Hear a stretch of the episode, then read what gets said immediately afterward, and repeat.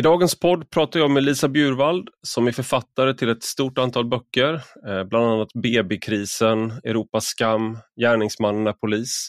Men i dagens podd pratar vi om hennes senaste bok som kom för en vecka sedan, Slava Ukraini, Kvinnors motstånd under Rysslands krig, som hon har gett ut på det nystartade förlaget Bite the Bullet Press, som är hennes förlag också. Vi pratar också om den andra boken som hon precis har gett ut, som är en översättning av en bok av Stanislav Asajev och han blev eh, kidnappad av Putins styrkor och hamnade i ett hemligt tortyrläger i östra Ukraina. Och, eh, boken heter Helvetet på Paradisgatan. Han är journalist, han kidnappades 2017 och eh, det här var innan invasionen av Ukraina men kriget pågick ju i östra Ukraina. Han skildrar det här tortyrlägret inifrån. Det pratar vi en hel del om i början av podden. Men Bjurvalds egen bok handlar alltså om kvinnorna i Ukraina. Jag ska inte bli för långrandig här, men det handlar om sätter ett kvinnligt ansikte på kriget och det innebär inte bara som man kan tro då att det handlar endast om massvåldtäkter och, och liknande utan det handlar också om hur kvinnor gör motstånd. Det handlar om kvinnor som har flytt, relationen tillbaks till, eh, till hemlandet. Ska jag återvända? Ska jag inte återvända? Det handlar också om kvinnor som har stannat kvar, blivit soldater eller på olika sätt gör motstånd mot den ryska invasionen genom att programmera mot rysk desinformation, har politiska nyckelpositioner där man lobbar, massflätar, kamouflagenät, leder demonstrationer. Det är en sammansatt bild av kvinnorna i Ukraina. Men det är en ganska lång podd så nu slutar jag prata så lyssnar vi på dagens gäst istället. Du lyssnar på Rak Höger med mig, Ivar Arpi.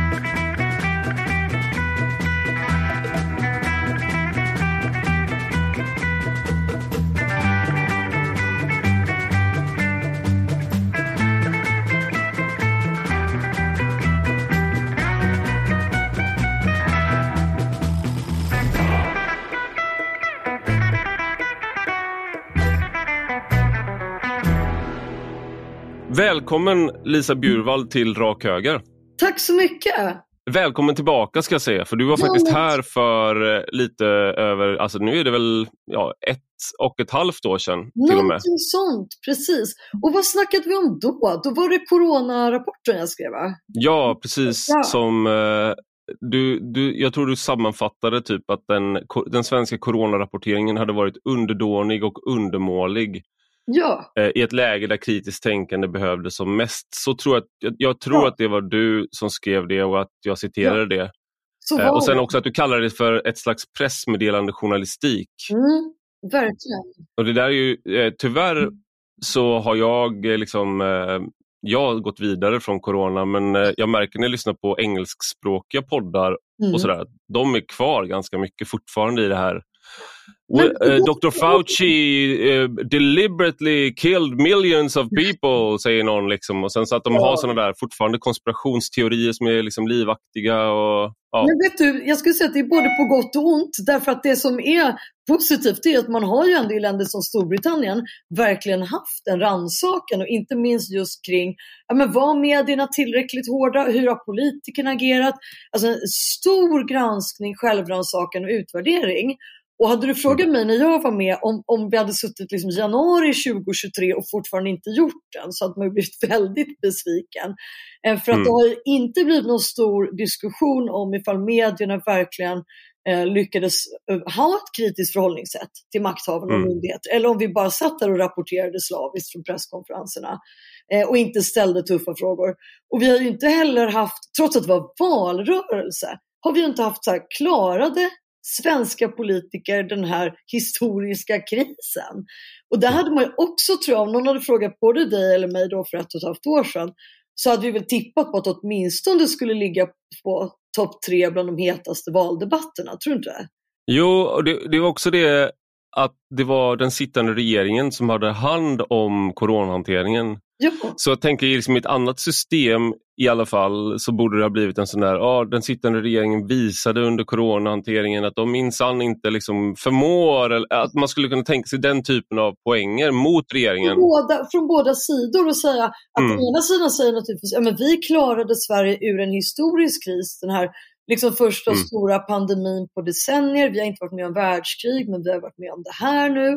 Eh, medan oppositionen hade kunnat säga att vi hade minsann gjort si och si och så bättre. Ja, och nu har vi då, man skulle också kunna tänka sig den här, alltså för det man kan se ändå, det är ju att eh, man får ta alla sådana här, det, det, det, kräver nästan en egen podd, men att välja, en, en av de viktigaste frågorna eh, för väljarna är ju vårdfrågan. Ja, exakt. Dock, var, dock har inte den varit, man uppfattar inte att det, den är partiskiljande. Man uppfattar inte att varken den förra regeringen och de partierna eller den sittande regeringen och stö stöttepartierna, att man har särskilt olika visioner. Så det är Nej. en otroligt viktig fråga för väljarna, den allra mm. viktigaste. Mm. Men eftersom man inte ser någon skiljelinje så är det inte den som man mobiliserar kring, utan Nej. då är det andra frågor. Men jag eh. tänker krishantering överlag också, därför att nu var det ju mm. faktiskt val ett år då en europeisk nation invaderar en annan nation. Så att vi har mm. ju även om man klarar en kris, alltså vad hade vi fallgropar där, så är det mycket möjligt att samma framgångar och misslyckanden återupprepar sig om vi skulle ha till exempel en omfattande rysk cyberattack mot Sverige eller liknande. Mm. Så ur säkerhetsperspektiv så är det också konstigt att vi inte diskuterar det och jag tycker väl att det är lite av ett svek mot väljare, återigen både till höger och vänster, att man inte erkänner att ni var med om det här.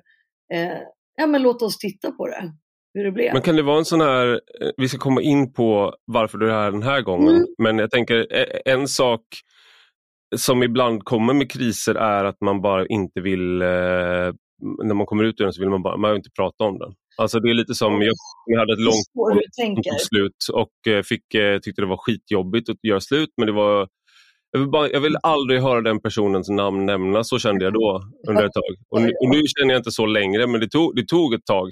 Du känner så med namnet Corona och covid-19 ja, också. Precis, ja. ja. men lite så att man, när man hör det så känner man bara, men det där, nej, där nu, nu, nu går vi vidare. Ja, men jag håller med dig på en psykologisk nivå, så är det. Men jag tycker fortfarande att medier och politiker har ändå det ansvaret. Sen kan vi mediekonsumenter och väljare välja att stänga av en debatt och säga, för fan vad trött jag är på den här pandemin. Eh, mm. Men det är ju ändå liksom mediala och politiska makthavares eh, ansvar att utvärdera en sån allvarlig nationell kris. Och det har vi liksom bara släppt. Ja, jag är glad att höra att du håller, håller fast vid din, eh, vid din mediekritik. Så det är ingen som har övertygat dig om att du hade jättefel sen du var här i podden senast? Nej, ingen, har, ingen har kunnat motbevisa någonting faktiskt. Så det känns på det sättet möjligtvis. Ja. Bra, då, kan jag, då kommer jag länka den här förra podden också så kan ja, folk gå tillbaka. Det. För då är, då är den fortfarande aktuell med andra ord. Mm. Ja, men du, nu, sen du var här senast har du startat ett förlag, mm. eh, Bite the Bullet Press. Mm, eh, där har då den första, ja, du var ju på bokmässan eh, med, med Bite the Bullet Press men du har mm. också nu då släppt två böcker. Eh, yes. och Du skickade båda till mig. Jag har mm. bara läst en av dem mm. och det är din. Det är den boken som du själv har skrivit. Ja. ja. Men du, vi skulle bara kunna snabbt kunna nämna eh, den andra boken innan vi går vidare till din bok. Eh, ja. För det är en bok som har fått väldigt mycket uppmärksamhet internationellt för det, den är mm. skriven mm. på på engelska från början va? Ja, den är skriven på ukrainska och ryska från början och sen har den översatts okay. till många olika språk och kommit ut på i USA och nu i Baltikum i höstas och sådär. Mm. Och det är ju Stanislav Asajev, den ukrainske eh, kända journalisten och författares bok Helvetet på Paradisgatan. Och då kan mm. man säga, varför heter den så då? Jo, det är för att adressen till det här ryska tortyrlägret i östra Ukraina, som han har skrivit sin exposé om, ligger på vad som mm. ungefär heter Paradisvägen, eh, eller Paradisgatan mm. på svenska. Så att, eh, det heter då The Torture Camp on Paradise Street på engelska. Mm. Och eh, de, de här böckerna, den och min som vi ska snacka lite om, de kommer nästan i en slags par kan man säga. För att när jag startade mm. förlaget i våras, alltså våren 2022, så var jag eh, helt på det klara med att de första böckerna skulle beröra just Ukraina-kriget. Eh, förlagets specialinriktning är och kommer vara eh, granskande samhällsjournalistik mm. om aktuella frågor. Så att det blir liksom inte barnböcker eller kokböcker eller något annat kul, utan det, det, blir liksom den typen av, nej men det som jag jobbar med i övrigt, liksom granskande journalistik. Mm. Och då märkte jag att de stora förlagsjättarna började ge ut massa Ukraina-böcker då för att rida på Ukraina-vågen lite cyniskt eftersom det blev mm. ett så inom citationstecken. Eh, men då kunde det vara böcker som var tio år gamla och det kunde vara just mm. böcker och sånt där. Eh, och det kändes ju, ju jävligt slappt. Man ville ge ut något som faktiskt Det ukrainska köket. Hur du lagar blinier på ukrainska. Ja, ja. ja men lite så. Och sen som sagt böcker som är jätte, jättegamla från 2010 och så här, som man skulle återtrycka för att kunna säga att vi stödjer Ukraina. Många har gjort mm. bra grejer också barnböcker mm. som har gått till ukrainska barn. Men den här boken är skriven i december 2020, eller då den är utgiven 2020 från början, så den, är, den, är, den kom ut innan kriget på, eh, på ukrainska då? Ja, alltså det kom ut efter att kriget började, för det har ju pågått i flera år, men innan invasionen. Mm. Så ja, precis. exakt, så att han, han blev ju tillfångatagen av ryska styrkor i sitt hem 2017. Enda journalisten då som bevakade ockuperade områden i Donetsk i Ukraina och trodde väl att han skulle bli misshandlad och släppt igen efter några dagar som ett hot. Men slutade med att mm. han satt i två och ett halvt år, över tusen dagar i, i vad som kallas för Donetsk Dachau, alltså ett, i princip mm. ett ryskt koncentrationsläger mitt i Europa. Och eh, mm. de flesta, eh, kanske du och jag, skulle också bli helt knäppa, de flesta journalister, av en sån upplevelse. Men han, mm. eh, och man trodde inte han skulle komma ut levande, för att Ryssland har mördat journalister och dissidenter där och torterat mm. döds. Men han kom, ut, och han kom också ut med skrivförmågan i behåll. Så att, mm. Nej men det, är, det är ju helt fantastiskt att kunna ge ut den på svenska. Och det är ju så här, du vet hyllats av Timothy Snyder och Bellingcat och, och, folk som verkligen vet vad de snackar om. Och vill man förstå mm. Ryssland, vad de är kapabla till, då ska man ju läsa den här boken. Det, det, det är någonting med äh, människor som har varit torterade såklart som gör att deras närvaro är på något sätt plågsam. Äh, alltså inte att man blir arg på dem men mm. att det är bara själva deras kroppar är vittnesmål till någonting. Och, ja. eh, och det kan också att det är väldigt eh, det är inte alla som, eh, som, du sa, han har skrivförmågan kvar. Det är ju inte en självklarhet. Jag, jag har känt liksom, tortyroffer som, där jag är den första de klarar av att berätta för. för att det, och då är latin, från Latinamerika som har bott i mm. Sverige i liksom 20 år. Mm. Men man vill lämna det bakom sig det är så traumatiskt fortfarande att man ja. har aldrig liksom dokumenterat det alltså i, i skriven form. Uh, för att det är liksom, man vill inte återuppleva det. Exakt. Och då att kunna uh, liksom beskriva inifrån vad man har varit med om och vad man har sett. Mm. Det är oerhört starkt i ordets mm. alla bemärkelser, både som läsare och ta del av, men också mm. av mm. att, att, klara av det som uh, offer och journalist. Precis, och det här är också en person som är född 1989 så det är inte så att han är så 70 år och har jobbat som krigskorrespondent liksom genom kalla kriget och varit kidnappad i Mexiko eller någonting utan han har ju mm. naturligtvis upplevt tuffa situationer tidigare men var ju liksom väldigt ung när han tillfångatogs. Och det intressanta är ju att hans skrivstil har förändrats. Alltså den har blivit rak mm. och komprimerad och så nästan Hemingwaysk av den här mm. upplevelsen. Mm. Det, för det är ju så, han var ju tvungen att memorera, han fick ju inte ha papper och penna. Så han fick liksom mm. memorera vissa passager som hände. Och då sitter du inte och memorerar så här att men solens strålar skimrade eh, lite blänkande på taket eller något sånt där. Mm. Utan du memorerar ju, nu hörs det skrik från, från cell 503. Mm klockan är si och så mycket, de har torterat den här personen i tio timmar. Och, så det kommer ju fram. Så den är otroligt lättläst i ordets absolut bästa bemärkelse. Alltså du skulle mm. kunna läsa den här boken från att du är ungefär 14 skulle jag säga. Eh, kanske mm. 15 då. Och den har också väldigt mycket humor i sig för att han lyckas se det absurda i när, de, när han inser att aha, Ryssland kan göra precis vad som helst. Det kommer inget FN, det kommer inget EU, det kommer inget Reporter utan gränser. Eh, mm. Ingen kan göra något. Eh, mm. Utan dagarna bara går. Nu sitter jag i flera månader och de bara våldtar och torterar och eh, dricker sprit och piskar fångarna och leker med dem och eh, personer dör och de slänger undan kropparna och det här händer mitt i Europa. Det händer ju något med honom mm. här. Han förlorar ju sin gudstro. Mm. Han kommer ut ur boken okay. som ateist. Och det kan man väl verkligen inte anklaga honom för. För att det han har ju sett är ju att så här kan Ryssland göra mitt i Europa. Och det här tortyrläget, det är ju fortfarande i bruk. Isoljatska alltså, heter isoleringen. Det finns eh, ett eh, förintelseskämt som jag tänkte dra nu med risk då. Mm. Jag vet att vissa tror att jag är antisemit redan så här kommer inte förbättra mina chanser. Men det är eh, några judar som har kommit till himlen efter att ha blivit mördade i förintelsen mm. eh, och sitter och berättar för varandra och jämför historier om hur de dog. Mm. Och säger, säger en av dem då, eh, ja, men Jakob, kommer du ihåg när vi stod där i kön till gaskammaren och du snubblade och stod i huvudet och dog precis innan du skulle gå in i gaskammaren? Mm. Och så skrattar de. Och då har Gud kommit och ställt sig liksom i närheten och, och hört. Och han, ursäkta mig, jag, jag förstår inte det roliga här. Mm. mm. Och då är det liksom han som har eh, berättat, då, han går och lägger liksom en, så här, en arm runt Gud lite, ner, lite så här nedlåtande mm. och säger att ja, det behöver du inte må dåligt över. Man, man behövde vara där för att förstå. Ja. Och, och det är just det där hur man behåller, hur man behåller sin gudstro. Då, liksom, hur kan man, eh, eh jag kan förstå att, man, att det alltid kan vara mm. tufft. Mm. En annan sak, jag tänkte på en, en helt annan text bara eh, i, mm. om protesterna i Iran eh, mm.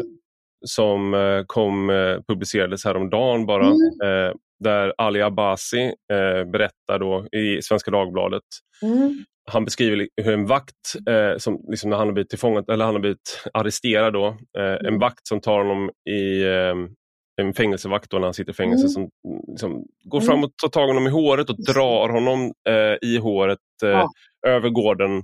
Och sen så stöter han, råkar han stöta då eh, hans, Ali Abbasis huvud i de omkring, om, omkringliggande träden som de går förbi. Ja. Då. Och då så säger han så här, jag förstod då att det fanns ett, ett slags glad ondska. Vakten fick inte betalt för att slå mitt huvud i träden. Nej. Han gjorde det bara för att han njöt lite. Ja. Och Det där är känns ju lite som att det går in i det, är väldigt, det du beskriver nu. Ja, men det är väldigt likt, eh, precis hur han beskriver det här och också hur de här härdade yrkeskriminella kommer som har suttit i liksom, tuffa sovjetiska fängelser kommer till den här platsen och tror att de, liksom, de kan navigera. För att de, är, ja, men de vet hur det funkar i fängelset. Det här är vad du byter mot ett par cigaretter. Det här är vad du gör för mm. att få vakterna på din sida. Det här är så vi behandlar källare. Det finns ett liksom, stort eh, ryskt och sovjetiskt system för mm. det här. Och blir då eh, bland de som kan hantera det här fånglägret allra, allra sämst. Därför att inga sådana regler gäller.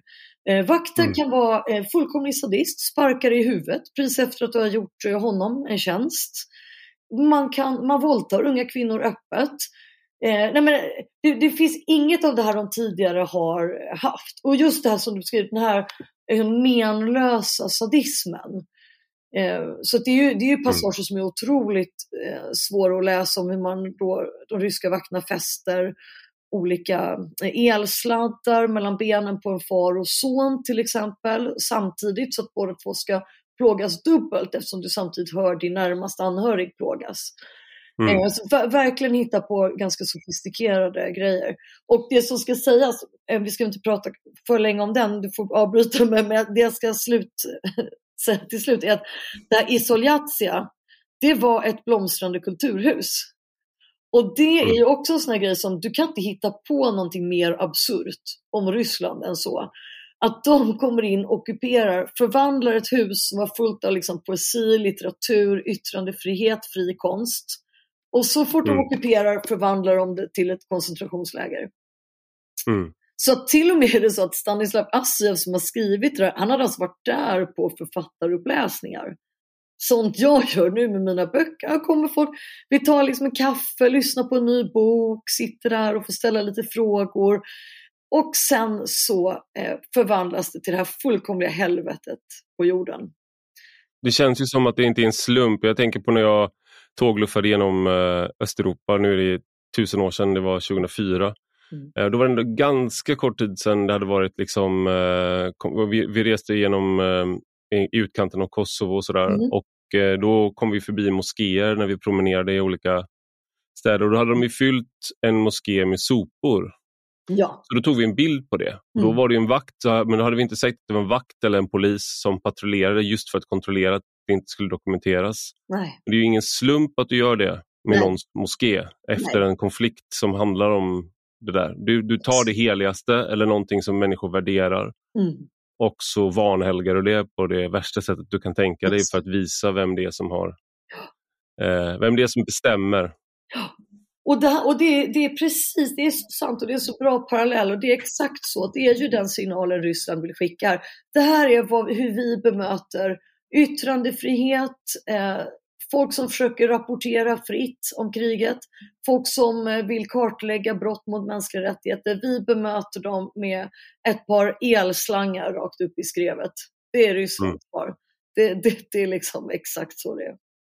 Mm. Och nu då, det, du, du har också eh, släppt en egen bok på förlaget. Mm. Eh, och Den har eh, titeln Slava Ukraini. Mm. Och Den handlar om kvinnors eh, öde och göranden och låtanden mm. och, eh, i Ukraina. Och Du har mm. åkt ner till ehm, du har inte skrivit den eh, från Sverige bara utan du har åkt fram och tillbaka mm. till Ukraina, Polen, mm och Baltikum mm. Eh, och gränsövergångarna.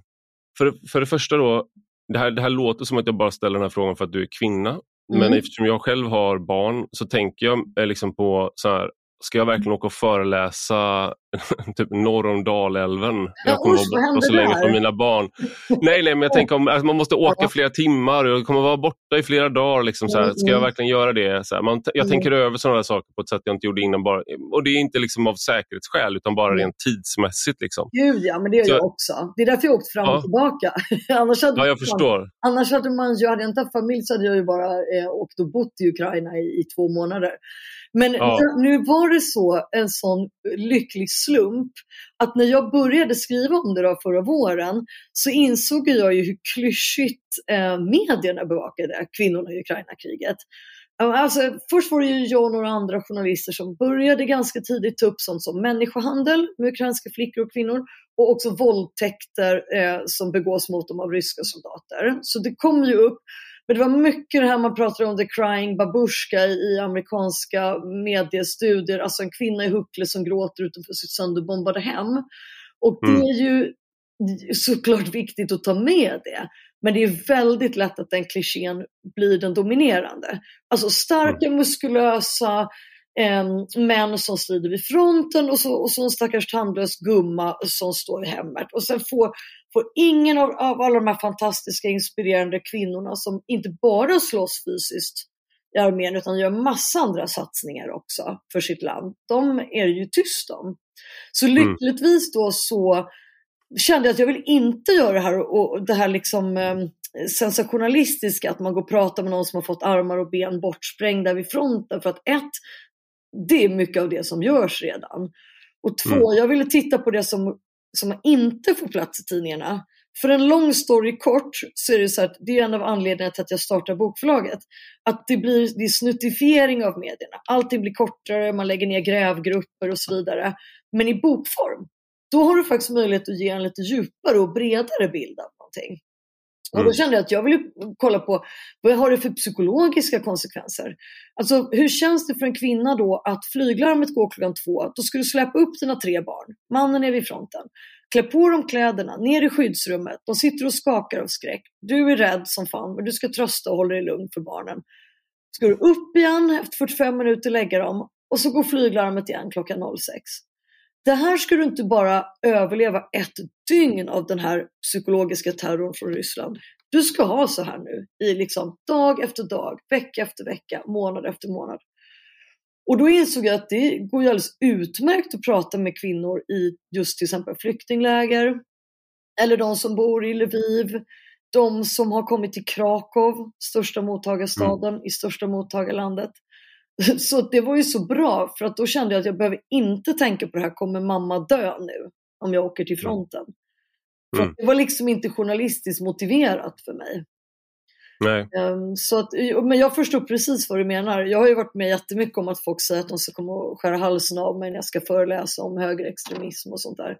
Mm. Då är det ju klart att du vet, nu, nu tar jag den här risken. Är det här värt det för, för eh, 4 000 spänn eller fan du får på föreläsning ja, på någon ideell förening som inte har råd med ja. vakt.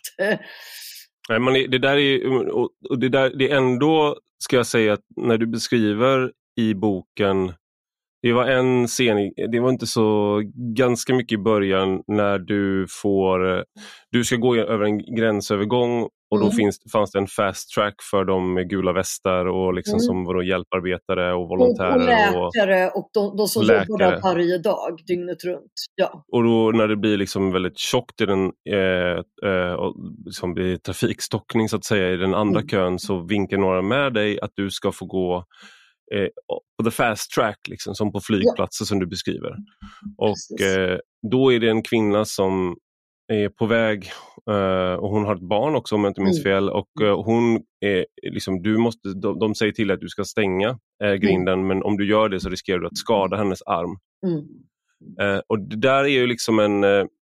Det är såklart att sådana situationer uppstår men du beskriver den för att du är journalist. Mm. Så att, många journalister som är i de här situationerna, det här är typ sån sak som du kanske tar bort ur ett reportage om det är en tidning för att det här beskriver egentligen ingenting väsentligt för hur det är vid fronten i Ukraina. Men Exakt. just den här skillnaden mellan dig och dem och att det så blir så direkt där. Mm. Eh, Mm. jag, vet inte, vet jag, jag tänkte på det, för jag, jag vet andra situationer där man ibland har varit där det är så tydligt att du tillhör så att säga den privilegierade klassen. Mm, Det är mm. Den klassen som åker på ett rullband medan de andra Ja, går. Eller Men så sådär. är det. Och jag tyckte också att det var viktigt att ha med för det var, hände andra saker. Det är typexempel på sådana subtila saker som är så här, har du ett uttalande från en känd politiker? Nej, då stryker vi det. Alltså så krasst Mm. är det ju i, i liksom dagspress och även i månadsmagasin man kan skriva för. Det är ett visst antal tecken som får plats.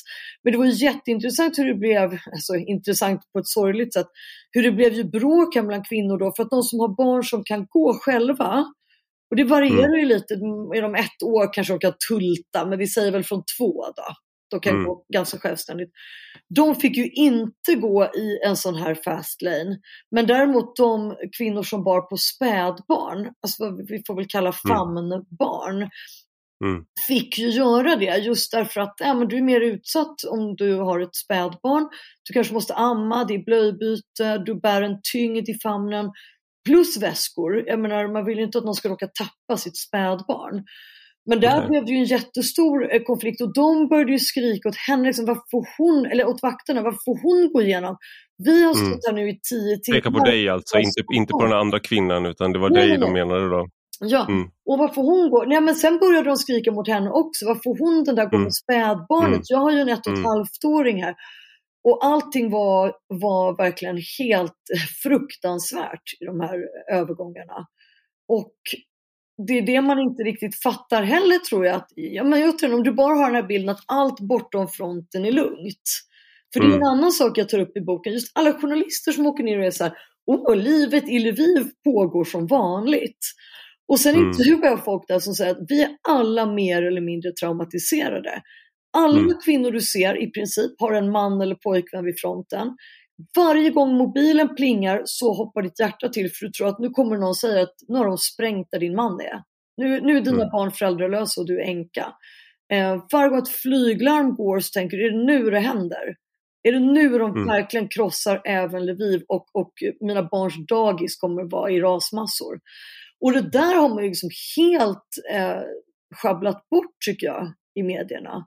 Man har, Mm. man har på något sätt inte kanske köpt Rysslands bild, men man har köpt något väldigt sån där ytlig in och ut, eh, snabb anblickbild. Ja, de dricker Mm. kaffe på ett café, de mår skitbra. Det är Mm. som att det bara är de som har synliga skador och bär eh, liksom ett gevär och så har de soldat på tröjan som på något sätt lider av krig. Så det, det, Skulle man kunna kalla det en manlig, eh, alltså för, för du har, Oh ja. det blir ju en sån här, ehm, ja men jag- för, det, för det är ju en, den här bilden av, av krig som du också tar upp i inledningen där, att Mm. det, du tar upp eh, Svetlana, oh, nu hoppas jag att jag inte misshandlar namnet ja. för mycket, Svetlana Ja. Alexievich precis. intervjubok Kriget har inget kvinnligt ansikte som Mm. kom ut 1985 Mm. och den handlade fra, framförallt då om Röda arméns kvinnliga soldater som fram tills dess hade varit eh, ja, okända, ignorerade. okända, ja. Eh, men det här är också då, om man bortser från kvinnliga soldater så finns det ju den här ja, hemmafronten-perspektivet. Då, att, ehm, du tar också upp det, kvinnorna du intervjuar som har kommit till Sverige till exempel, Mm. de berättar ju liksom att även om kanske resan kanske allt som allt tog fem dagar eller så, Ja. det du hinner uppleva på fem dagar Mm. eh, kan räcka en livstid så att säga. Och Ja, Båda två tror jag använder att de säger att det tog ungefär en och en halv månad innan de hade återhämtat sig lite grann från liksom att de hade eh, så att det hade varit så fruktansvärt. Ja, och också då återhämtat sig bara på ett sånt stadium att de inte längre skakar, att de kan sova på nätterna, bara att de har kommit in i någon slags mer normal lunk, bortom mm. direkt traumatiserade. Och många har ju då det här tragiska survivors guilt, någon slags överlevande skuld, som apropå förintelsen, väldigt många överlevande också kände där. Och det är ju för att, ja men som en berättar då, att de lyckas av en slump komma ut. Det är jättemycket som handlar om slump i krig. Någon tittar bort, någon har just sprängt en rysk stridsvagn, det blir en liten lucka och eh, du och din familj kanske har prövat tre, fyra gånger att åka ut från en ockuperad by eh, och så funkar det den femte gången och de lyckas fly landet. Men, du, beskriver en, eh, ja. du beskriver en sån, eh, en sån scen där eh, det är en familj som, jag tror det är det var Jaroslav heter hon du intervjuade. Hon berättade om hur det var att fly i närheten. Och det var i närheten av Butja, den här, ja. liksom, en av de som har blivit synonymt nu med Eh, alltså det är så ironiskt att det låter så likt Butcher för att ja. det liksom har blivit som en, liksom en synonymt med tortyr och mm. liksom ondbråd masslakt och massvåldtäkter och bara liksom mm. det allra hemskaste man kan tänka sig. Ja. Och då är det just att de, hon och hennes familj de flyr när de hör att Ukraina har sprängt en eh, kolonn, ja. eh, tror jag det var. Ja. Men eh, hon får reda på att de som försöker precis efter dem, alltså inte alls långt efter, mm. och de blir alla dödade. Ja. Ehm, och, och, det är liksom då kan man verkligen prata om att om, om, om du har läggning för survivors guilt eller om, om det är mm. så att du är en sån som känner det, det är ett typiskt läge. Liksom. Mm, mm, verkligen. Och också just den här känslan, men vad var det för skillnad då på dem och oss? Det är just sådana här mm. frågor som du aldrig kommer att få svar på och som du riskerar att ställa till dig själv resten av livet. Och psykologer, traumapsykologer som jag tänkte göra någon uppföljning om berättar just det här att ja, men, man tänker då vad är det här tecken? Måste jag göra något bra av mitt liv nu då? Och så kanske du mm. inte blir, nu säger jag verkligen nu lyckad inom citationstecken. Alltså.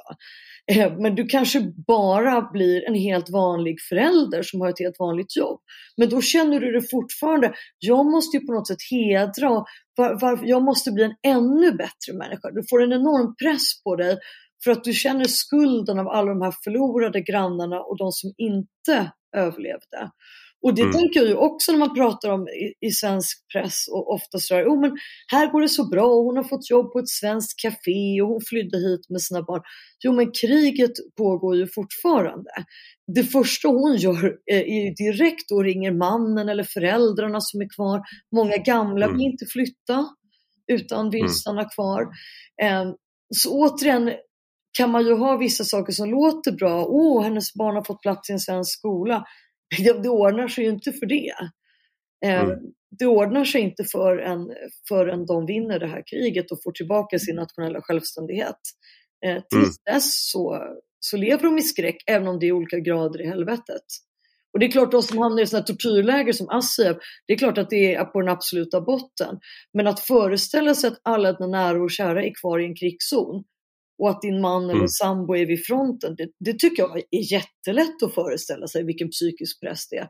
Och du vet, så ska de hålla uppe eh, masken för barnen också. Så det är mm. det, alla de här mammorna du ser i Ukraina och i Polen, de ler ju och så har de små snacks med sig, de får smoothies och någon liten så här squish-toy för att underhålla barnen med. Men det här är ju en fasad. Det är för att om de visar hur jäkla trasiga de är och vilken enorm psykisk press de är under, ja det gör du inte som mamma. Och det mm. känner jag ju verkligen igen, att det, där, där håller man ju alltid skenet uppe. Mm. Och, det, och det är återigen svenska läsare, alltså bara man har varit med om något sånt där. Jag tänkte på, jag var med om otroligt obaglig turbulens där, i, där de sa också i högtalarna så här, ja, men, om vi behöver lämna flygplanet snabbt så lämna alla era ytterkläder och väskor och bara spring. Och det var ju jävligt mm. jobbigt. Mm. Och då tänkte man framför barnen, nej, nej, de sa bara någonting på engelska om att det är så fint väder ute. Har ni tagit ja. fram Bamsepusslet? Eh, mm. Och då kan man tänka sig hur det känns inuti. Och tänk att du gör det medan det regnar missiler runt omkring dig i skyddsrummet. Mm. Jag tänker på, på en sån sak som min, när i eh, en lägenhet när vi bodde i, det här var några år sedan, så min, eh, min äldsta dotter var bara var hon två eller mm. något sånt. Mm. Och plötsligt så började det borra jättehögt i väggen. Ja. Eh, alltså så högt så att det är liksom det är som en chock. Ja. Alltså det, man får liksom en smak i munnen Ja, av järn ungefär. Och, hon eh, efter det var rädd för eh, ljud och då sa hon alltid pip pip och så, så blev hon rädd. Liksom, om det var en, en bil, pip pip sa hon och då var det liksom att hon var rädd för att det skulle komma ett sånt ljud igen. Den här Precis. hon kunde inte förstå vad det var och, då var det, eh, och jag bara tänker det där är ju som en, eh, bara en liten, liten föraning av hur det antagligen Ja. skulle vara eh, om det var en mycket värre situation. Tänkte jag då liksom att det här är ju, i, det här är ju som tur var så är det fred och allting så, här, så att det Mm. jo, går ju bara vidare. Liksom. Men det var traumatiserande för henne i Ja. liksom, Och det en lit- liten ihåg. skala. Exakt, Mm. det krävs ju så lite. Jag menar bara när en motorcykel startar. Det är också sådär, små Mm. barn kan hoppa högt och bli jätterädda. Så det Mm. otäcka tycker jag är när de berättar att eh, många små barn i Ukraina, att de har slutat gråta därför att de vet att det är farligt att gråta högt för att de kan bli upptäckta. Det är ju också något som berörde mig väldigt starkt för att det kan ju vara svårt att få svenska barn att sluta gråta för att de inte får glass när det inte är glassdag. Och de kan Mm. skrika och gråta hjärtskärande i en affär i liksom 20 minuter. Mm. De, de kan inte kontrollera sig. Det är inte, ett, barn, ett litet barn ska inte kunna kontrollera sig. Om du säger sluta gråta, du får ingen glass. Det, Mm. det är ju hopplös föräldrastil. Det finns ju inget Mm. barn som plötsligt håller käften då. Så det Nej. var så starkt berörande att små barn har lärt sig och de berättar om de här knäpptysta tågen ut ur krigets Ukraina. Där Mm. inte ett barn, inte ett djur gör ett ljud. Hela Mm. tåget är knäpptyst för, för att det är sån spänning. De får inte göra något ljud, ingenting får hända liksom. De måste klara Mm. det här. Också något som går fullständigt mot eh, all mänsklig natur. Eh, Mm. Det går knappt att se det. Den delen av hjärnan ska inte nej, det, nej, mogna det så tidigt. gå. Det ska inte gå. Nej. Jag tänker vi ska, för det, det är fruktan, fruktansvärda scener som du beskriver och det, du eh, lyfter fram kvinnor, just, och vi pratar om den gråtande babusjkan men det är liksom också det här att vi har eh, mycket av kriget utkämpas av, eh, alltså soldaterna är till övervägande del män eh, och det är också där man har en, en eh, män mellan 18 och 60 år måste Ja. stanna och försvara Precis. landet. Eh, om, om då man inte har eh, tre barn eller fler, så jag hade sluppit då till exempel. Ja, det Eh, hade du faktiskt. Ja, vad skönt. Ja, nej, men, eh, Ja. men så, så att eh, då finns det den här, en, en sak med den gråtande babusjkan då också. Jag tänker att som svensk så ser kvinnor i den åldern annorlunda ut här. Eh, och Mm. det är också en sån här nationell som, vad ska man säga, stereotyp. Jag menar, inte, jag menar inte att det neg- behöver vara negativt att Mm. det finns babusjkor som ser ut så. Mm. Eh, Men att det är också lättare att hålla det borta från sig Mm. rent eh, Mm. men de här kvinnorna och barnen som du pratar med, de, de får ju svenska röster i din bok. Alltså Ja. du har översatt. Och eh, det är kvinnor som hade kunnat, de har varit lärare, de har eh, hjälpt barnen med matteläxor dagen innan, kvällen Mm. innan eh, är en kvinna hon eh, sitter och hjälper sin dotter med en matteläxa. Mm. För de tror inte att kriget ska komma. Och i Kiev då. Och det är väldigt svårt att liksom inte känna att det kunde vara vem, vem som helst. Ja. Och jag undrar, jag undrar då, liksom, vissa scener som du beskriver Mm. är helt, eh, jag, tviv, alltså jag ifrågasätter inte sanningshalten alls, men jag tänker, är det, är det på grund av den avtrubbning, för det är också så här ett citat som, som jag tror det är när hon, eh, eh, Jaroslava som, som vi pratade om innan, hon säger här, det här jag berättar nu är inte från en film eller ett tv-spel. Och det där var lite slående för att tänka på hur avtrubbad Ja. jag eh, upplever att jag själv är. Mm. Och att jag måste, liksom, nästan så att jag måste aktivt sätta på Mm. eh, medkänsla, inlevelse. Mm. Eh, Det om är ju jag ska göra det. journalist, journalistkonsekvens också ju. Mm, Av att man skriver och läser om så mycket hemskheter. Både konsumerar och liksom tillverkar journalistik mer än normala svenskar gör tror jag. Mm. Och det är väl säkert så eh, för dig också. Jag har också en väldigt sån hög gräns för eh, men vad som berör mig, vad som skakar om mig. Jag blir väldigt så när någon säger åh jag kunde inte läsa den där boken eller se den där filmen, det var så brutalt. Jag fattar inte alls vad de snackar om. Så jag måste ha en Mm. mega eh, tröskel för det där. Mm. Men jag tycker också att det, det, är det som känns bra med att skriva en sån här bok, att det blir lågmälda mänskliga vittnesmål som får mm. vara liksom ihållande, att man får följa någon lite längre. För att det är också, det är på något sätt när det blir så snabbt och korthugget, tidningarna, nu spränger de här, nu har de sprängt och till och med när det är de värsta sakerna, ja men nu bombningar av Kramatorsk, här är det en tågstation, här är 50 döda, mm. här är 40 döda. Det är som när de där första siffrorna kom in efter Utöja, kommer jag ihåg. Vi journalister som prenumererar på sina nyhetsflashar i mobilen, att det plötsligt var mm. att vi pratade om tiotals döda. Att man fortfarande mm. mer var förvånad över att det gick att skjuta ihjäl så många ungefär. Alltså, mm. Alltså man, man kände det inte känslomässigt utan jag sa, hur fan kan det ha gått till? Mm. Där finns en sån eh, klassisk, eh, det här klassiska problemet som eh, journalist men också mm. som människa att, att liksom, om man hör att det har dött 600 i Indien mm. så är det bara en siffra. Det är ja. liksom ingenting. Det är inte människor i ens, i ens hjärna. Men om du hör att den här specifika personen blev mm. mördad igår. Ja då sätter det genast igång. För då har du liksom, och, och, även om det då rent logiskt borde vara så att de här, eh, man borde tycka att det var värre med 600 mm. personer mm. som har blivit dödade mm. på något sätt, mm. så, känn, så är det inte så det känns. Nej. Och det är precis det du säger just det här med vanliga yrken, man gör vanliga saker. Och det slog mig också där hon Jaroslav är med sin dotter. Och de köper lite sista grejer till det här fixskolprojektet på stormarknaden kvällen innan. Och de kommer på mm. de ska sätta ihop där och det är nog bitar och trä och de ska och då är det ju så här, vid det här locket, då har du ju fortfarande ledande säkerhetsexperter, eh, personer som har bevakat Ryssland i decennier, som fortfarande då tror att det här är en strategi, Ryssland bluffar. Så det är ju mm. inte det minsta konstigt att du som vanlig, liksom välutbildad Jag trodde det, ska jag säga. Ja. Jag trodde att de bluffade, för jag tänkte att de har ju, det är bara dumt. Det var, var det dumt om de gjorde en riktig ja. invasion? Det är bättre att de liksom tvingar till eh, eftergifter på olika sätt. Ja, och jag ska säga, det, någon, det är många som har olika åsikter i boken, men en röd tråd tycker jag är att många säger så här. Skulle han verkligen vara så galen? Nej. Eh, varför skulle han själv göra det? är inte så att man tror gott om Putin-regimen, mm. eh, utan man tror snarare att han är lite för, för, smart strategiskt, han vill inte skada sig själv. Och några som jobbar med den ukrainska regeringen berättar ju, de hade ju till och med en utbildningsdag då inlagd den 24 februari, inplanerad sedan länge och den hade ingen tyckt att man skulle rucka på. Mm. Så att det tycker jag också, när man får höra det på det sättet från människorna på marken, så tycker jag att det också är lättare att diskutera eh, vår nationella eh, utrikes och säkerhetspolitik i Sverige. För att man förstår hur, ja, men hur långt borta den vanliga människan är från maktens beslut. Och eh, mm. toppgeneralernas ledarskikt och så vidare. Och man förstår hur, hur fullkomligt chockartat det är. Vissa har ju gamla skyddsrum från Sovjettiden då i Ukraina som inte funkar. Andra har sådana som är dödsfällor, de är gjorda i trä, jättevanligt i Lviv, så då struntar man i det bara.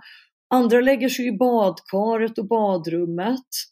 Mm. Eh, så det där var ju verkligen något jag tänkt på när jag har kommit hem. Okej, okay, hur ser det ut här i Stockholm? Funkar de här skyddsrummen. Ehm, det var några som mm. hade någon spelning i så här, Vasastan gick förbi någon park i somras när jag kom hem.